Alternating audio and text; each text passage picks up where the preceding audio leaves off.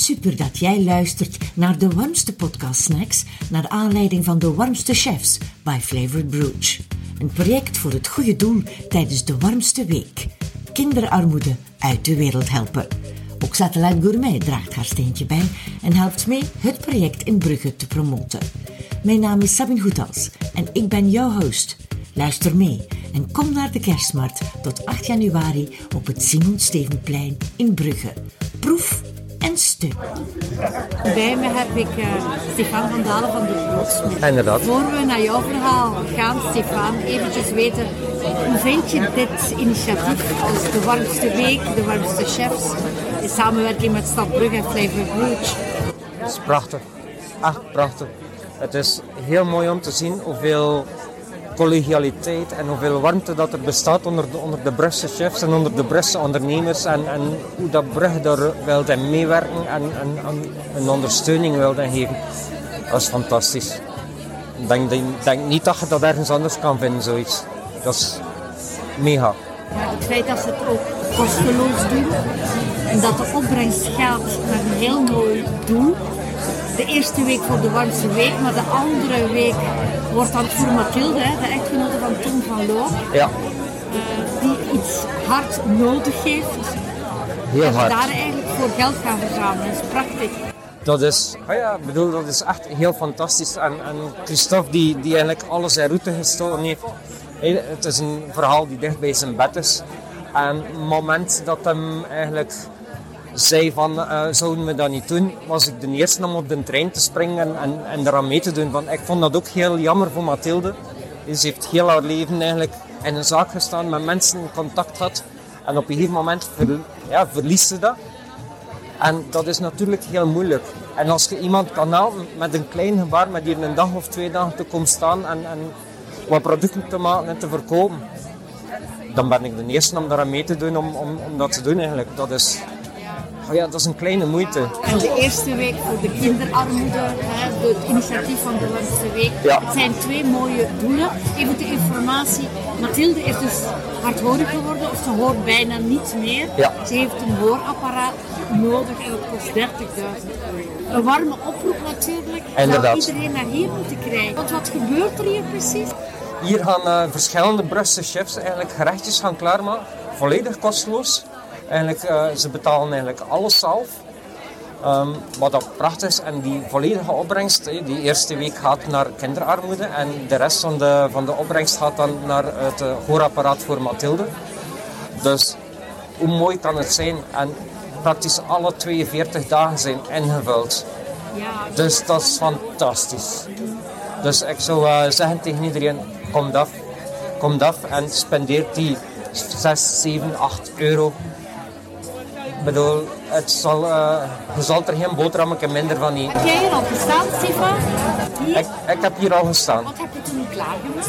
Ik heb, um, ik heb dat in de volksmond zeggen, klakhoors gemaakt.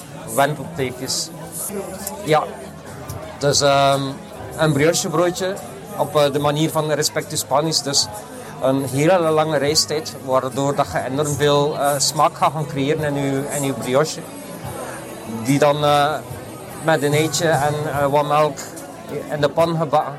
En dan een hele, hele lekkere vanille parfait erbij.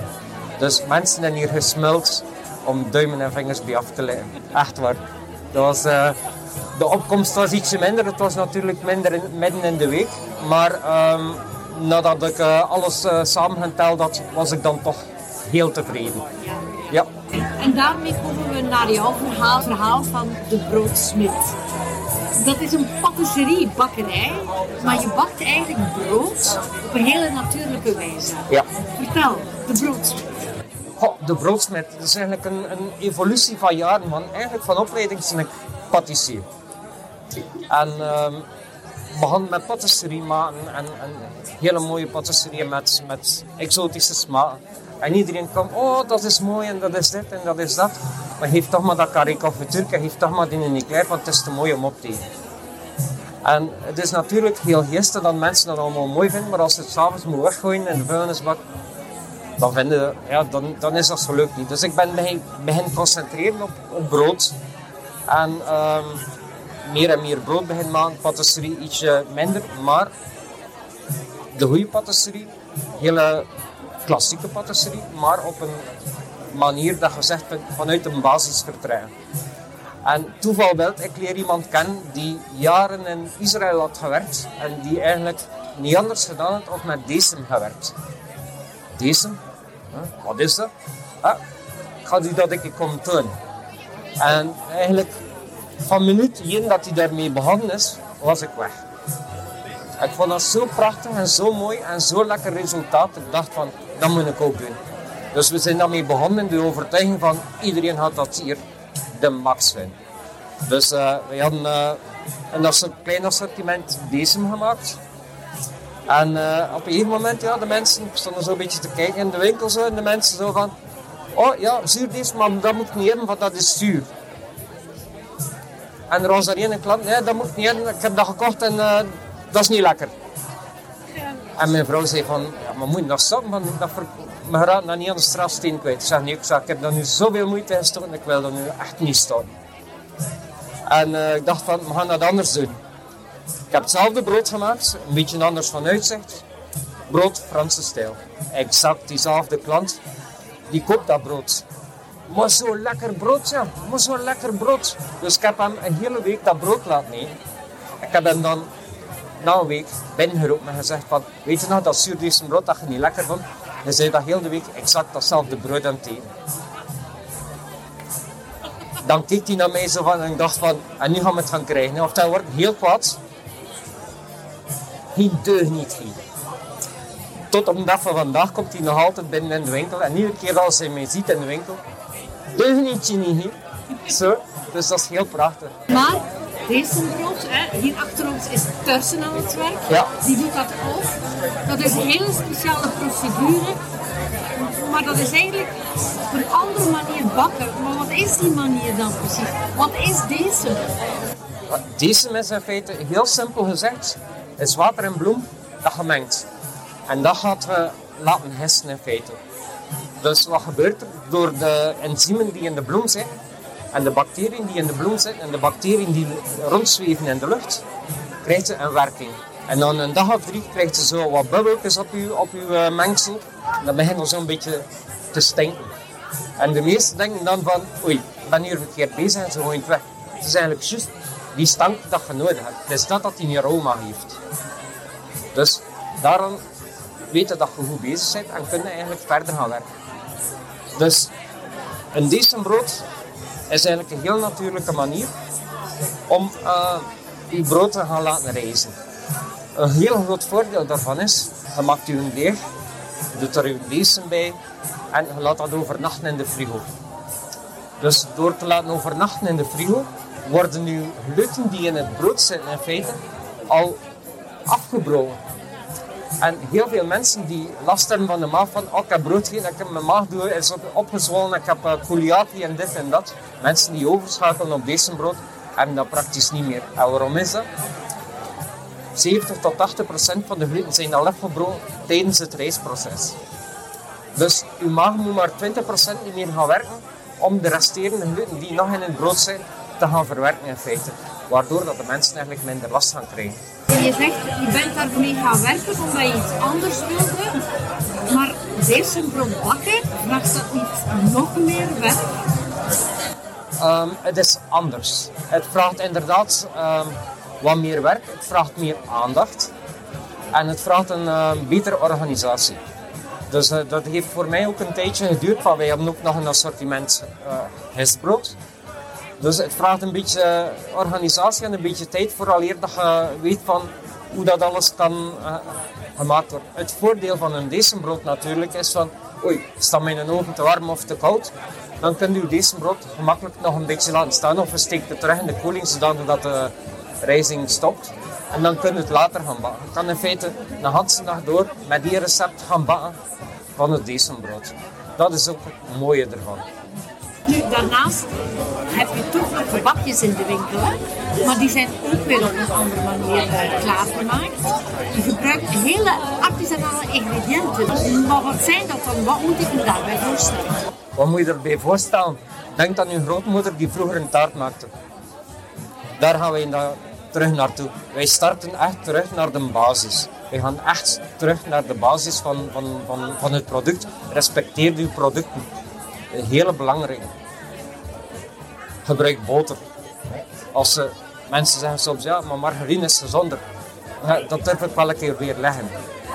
Want boter heeft vier stappen nodig om gemaakt te worden. Margarine heeft 20 tot 25 stappen nodig om gemaakt te worden. En niet de gezondste stappen. Dus uh, ik kies voor de meest natuurlijke manier om eigenlijk uh, te gaan werken met producten. En als we bloem gaan gebruiken ook, um, wij gaan echt op zoek naar molenaars die geen toevoeging doen in hun bloem. Zelfs geen vitamine C, geen verbeteraars. Um, echt puur natuur. En zelfs in zoverre, als ik het niet vind, heb ik een samenwerking met een boer die uh, spalt kweekt voor mij, die uh, kweekt voor mij. Uh, volledig biologisch, volledig puur natuur. En het mooie ervan is, die wordt dan nog gemalen op een windmolen op de hoop toe. En ik heb een klein molentje staan bij mij thuis. Ja. En als het nodig is, kan ik heel vlug nog wat graan gaan malen bij mij thuis ook. Dus alle smaken, alle mineralen worden eigenlijk direct verwerkt, gaan niet verloren. Denk je dan het industriële bakken bijvoorbeeld? Want oké, er zijn ook warme bakkers die het op een andere manier, gewone manier doen. Maar je voelt toch wel het verschil tussen het industriële, het warme bakkers, eh, een of, of patisserie en dan dat van jou. Ja, inderdaad. Um, een industrieel proces is natuurlijk een proces waarin het alles heel vlug moet gaan. Maar dat is ook dat er is, maar het, dat is niet aan jou besteed. Nee, de, het is niet aan mij om, om, om dat te gaan beoordelen. Ja. Ik vind alleen van, ik heb graag, als ik, ook als ik ga gaan eten, dat het lekker is, dat er smaak in zit. Dat je kunt zeggen van, oh, dat was nu echt wel een keer zijn geld waard. Ik heb dat ook graag van brood. Ik heb graag als mensen zeggen van, oh, ik heb hier een brood, kom aan, ik heb twee, twee sneden brood of drie sneden brood gegeten en ik was voldaan. Dat wil ik bereiken. Wat is jouw lievelingspatéetje dan? Oh, ik ben aan het tussen een eclair en een carré confituur. En een, een millefeuille komt ook heel dicht in de buurt. Een millefeuille is, ja, laat ons gaan van een millefeuille. Uh, een krokant gebakken blader die gekarameliseerd met suiker erbovenop. En dan een verse vanillecrème met echte vanille erin. Mensen bakken dat ook wel graag thuis. Heb je zo'n klein tipje wat jij misschien doet bij zo'n gebak? Um, goh, mijn tip is in feite, ga terug naar de basis. Denk aan je grootmoeder. Melk, dooiers, wat suiker, vanille. Een goede vanillestok. En natuurlijk niet te vergeten, boter. Doe er wat boter in. Dan ga je een hele smeuige, lekkere vanillecrème gaan krijgen. En dan uh, nog een vanillekoeks, uh, een uh, speculaaskoekje erin. Dat uh, duimen en pikken gaan. Stefan, je praat zo gepassioneerd over je vak. Maar hoe komt het dat jij patissier bent geworden? Dat is eigenlijk een beetje de schuld van mijn vader geweest. Mijn vader die, die staat er zo graag in de keuken en doet er zo graag wat dingen klaar. En als ik klein was, um, had hij eigenlijk zelf een oven gemaakt om brood te bakken. En dat was een, ieder weekend bezig met tegen en, brood aan het bakken en aan het doen en zo. En ik kreeg dan ook altijd een stuk deeg in mijn handen geschoven, gewoon om mij stil te houden natuurlijk. Hè. Maar ondertussen was ik bezig en ik had wel al die passie en ik dacht van, ik ga bakken worden, dat is fantastisch. Bloemwater, zout en gist. En dan krijg je iets dat komt uit de oven, dat ruikt lekker, dat, dat is lekker om te eten. Je smeert daar, smeert wat kaas op of, of, wat choco of confituur. En oh ja, dat was echt een openbaring voor mij. Dus ik ben naar de bakkerijschool geweest. En uh, ik uh, hier in Brugge de bakkerijschool. En uh, ik werd uh, in het weekend ter Groenepoorten, ja. fantastische school. En ik had in het weekend een weekendjobje bij een, um, bij een bakker in, in Aardrijken. En dat was een mens die maakte ook alles zelf. Van A tot B. Van, van zijn brood tot zijn patisserie, tot zijn chocolade, tot zijn koekjes. Alles weer zelf gemaakt. Ik was er echt door gepassioneerd. Dus uh, ik ben er op een gegeven moment op leercontract gegaan. En um, na mijn opleiding, na het leger en zo, en dat terug begin werken, en na een jaar of twee had ik eigenlijk wel heel de zaak doorlopen en, en had ik eigenlijk echt wel alles gezien. En kreeg ik de opportuniteit om uh, in Londen te gaan werken. Waarom Londen? Is dat de beste bakkerij? Nee, niet, niet bepaald. Maar ehm, er was een vriend van mij die daar werkte. En eh, die zei van, eh, er is hier een Belg die wereldkampioen patisserie geworden is. En die heeft hier een zaak in Londen. Dus eh, ik heb mijn stoute schoenen aangetrokken. Niet wetende wat ik kon verwachten. En uh, mijn cv opgestuurd en ik kreeg een uh, telefoontje met een uitnodiging om eens langs te komen. Dat was Riek de Baren. En uh, die was ja, wereldkampioen patisserie geworden in 1995. Dus ik kreeg die uitnodiging om, om langs te komen voor een gesprek. Ik dacht van, wow. Natuurlijk, ik kom daartoe en ik dacht van, ja, ik heb al redelijk veel gezien en ik kan chocolade en ik kan ding. En ik werd met mijn beide voetjes op de grond gezet.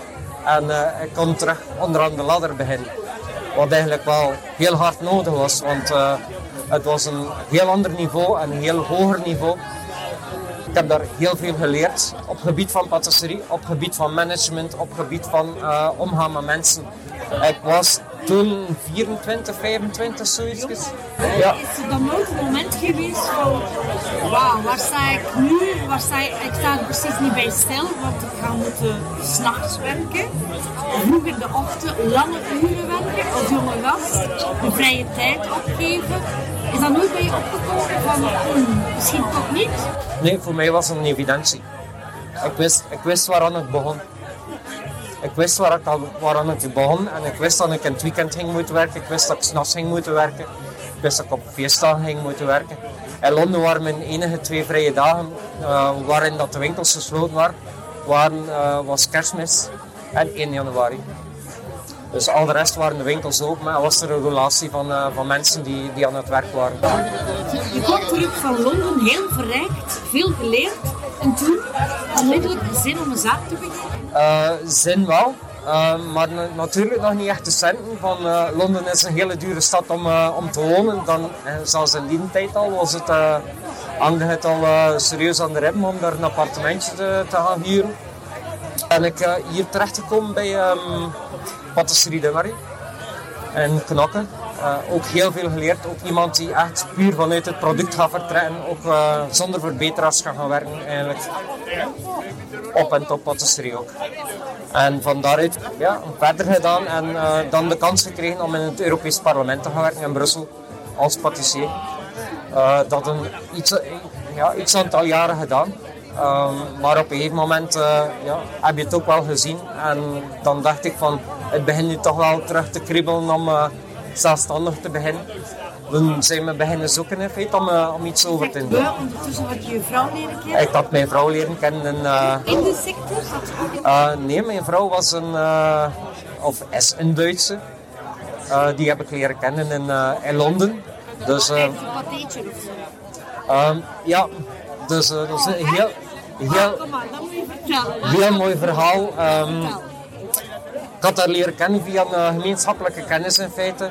Toeval wel dat die gemeenschappelijke kennis was zijn verjaardag en ik had een hele grote taart mee van, van het werk.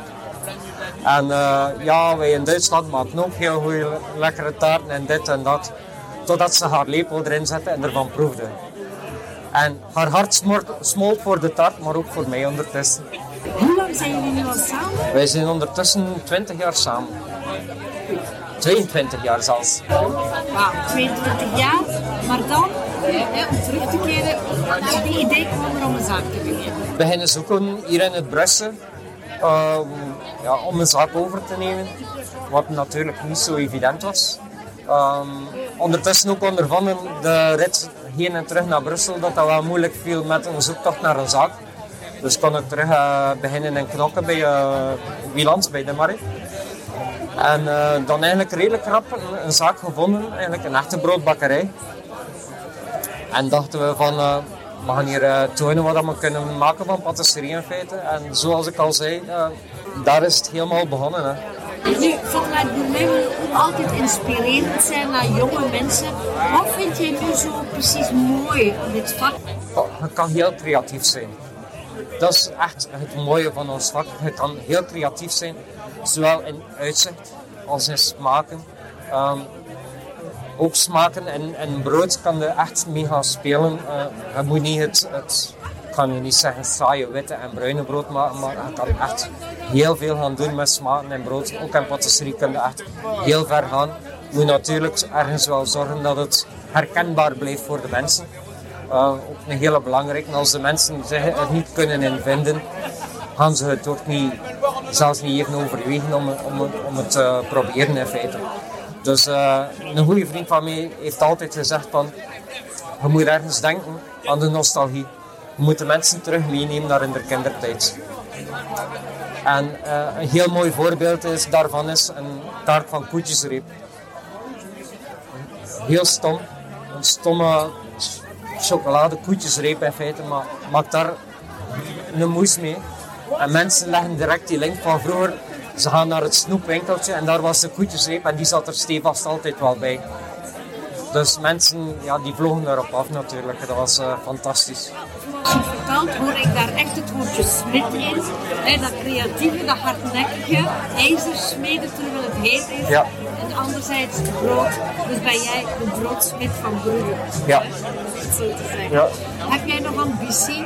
Want ik las op je website dat je ook vaak meedoet aan wedstrijden. Belgisch kampioenschap heeft mij echt wel uh, op de kaart gezet in feite. De eerste keer dat ik meedeed was ik uh, juist niet in de, in de prijzen gevallen. Maar dat was mijn eerste keer. Dus uh, ik had heel veel gezien en heel veel geleerd. En dat was eigenlijk wel mijn doel. Van, ik wil eigenlijk meer zien hoe dat een ander dat doet en hoe dat een ander dat aanneemt. En toen heb ik ook heel veel gesproken met, met de juryleden. Zo van, ja, wat heb ik misgedaan, wat heb ik niet goed gedaan, wat heb ik wel goed gedaan. Uh, heel veel van opgestoken. En dan de tweede keer dat ik meedeed, heb ik uh, eigenlijk uh, concurrentie weggebracht en ben ik Belgisch kampioen geworden. Doet dat iets met jou? Met andere woorden, zou je jonge mensen ook stimuleren om mee te doen aan wedstrijden? Ja, absoluut. zelfs al val je niet in de prijzen, je bent wel een beetje verplicht om jezelf te gaan uitdagen en om jezelf een beetje op een, op een ander voetstuk te gaan zetten. Dus je, je bent verplicht om meer na te denken over met wat dat je bezig bent, hoe dat je bezig bent. Dus ja, je, zet jezelf al op een, op een hoger voetstuk. En ik denk wel, als je dan een eigen zaak hebt, dat dat zeker niet slecht is. Je klanten kunnen daar alleen maar van profiteren, van de kennis die je daar, daardoor opdoet.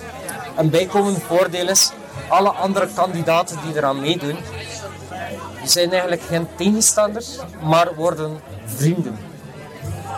En eh, elk zijn specialiteit. En het gebeurt soms ook nog van, zoals boterkoeken zijn nu niet echt een grote specialiteit van mij.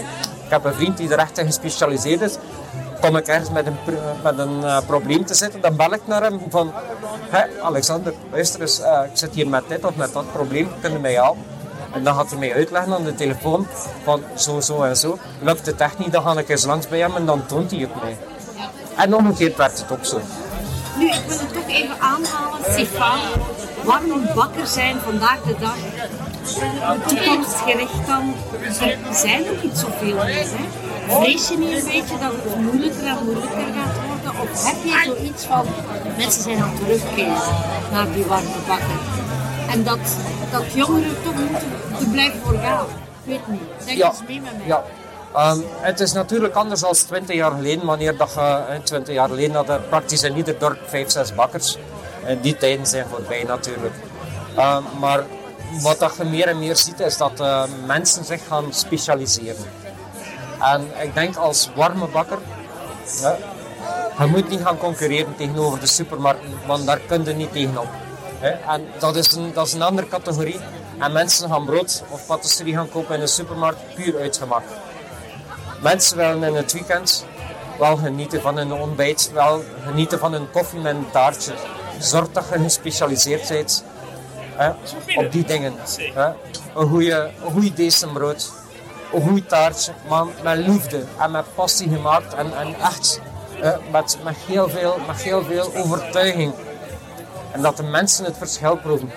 Dan gaan de mensen er niet van maken om een euro of twee euro meer te betalen voor een brood of voor een taartje. Zolang dat het lekker is en dat het met liefde gemaakt is. Ik denk dat, eh, dat we zo eh, meer en meer moeten gaan denken. En inderdaad, er worden minder en minder bakkers, maar we moeten ons gaan specialiseren. En jij blijft nog lang hier in Brugge met de broodsmid, want je bent ook gespecialiseerd. Hè? Mensen moeten naar jou komen voor het decembrood. Ja, inderdaad. En een eclairtje en een confituurtje. En dan jouw lievelingsgebakje. Ja, eh, dat is, eh, zeker, moeten ze, zeker moeten ze eens langskomen. En, eh, wij hebben een heel breed assortiment, zeker op zaterdag en zondag. Eh, zoals ik al zeg, mensen willen in het weekend wel genieten. Dus eh, in het weekend zorgen wij echt wel voor een heel breed assortiment. Stefan, nog een laatste vraag voor jou. Heb jij nog, ik vraag het aan iedereen, een speciale boodschap? Wat zou jij voor jezelf wensen en wat wens jij anderen? Oh, geniet van het leven, geniet van elkaar. Eh, zorg ervoor dat je elkaar graag ziet. Dat is heel belangrijk. Eh, relativeer. Heel belangrijk. Zien. Ja, Zien we elkaar graag? altijd. Dankjewel Stefan van Dalen. Graag gedaan. Met Ja. Prachtig. Bedankt dat je erbij was. We hadden het goed samen. Ga naar satellitegourmet.com en lees meer over deze podcast. Elke episode vind je ook op Spotify, Google en Apple Podcasts. Op het YouTube-kanaal Satellite Gourmet voor video. Denk eraan om ons te volgen en subscribe.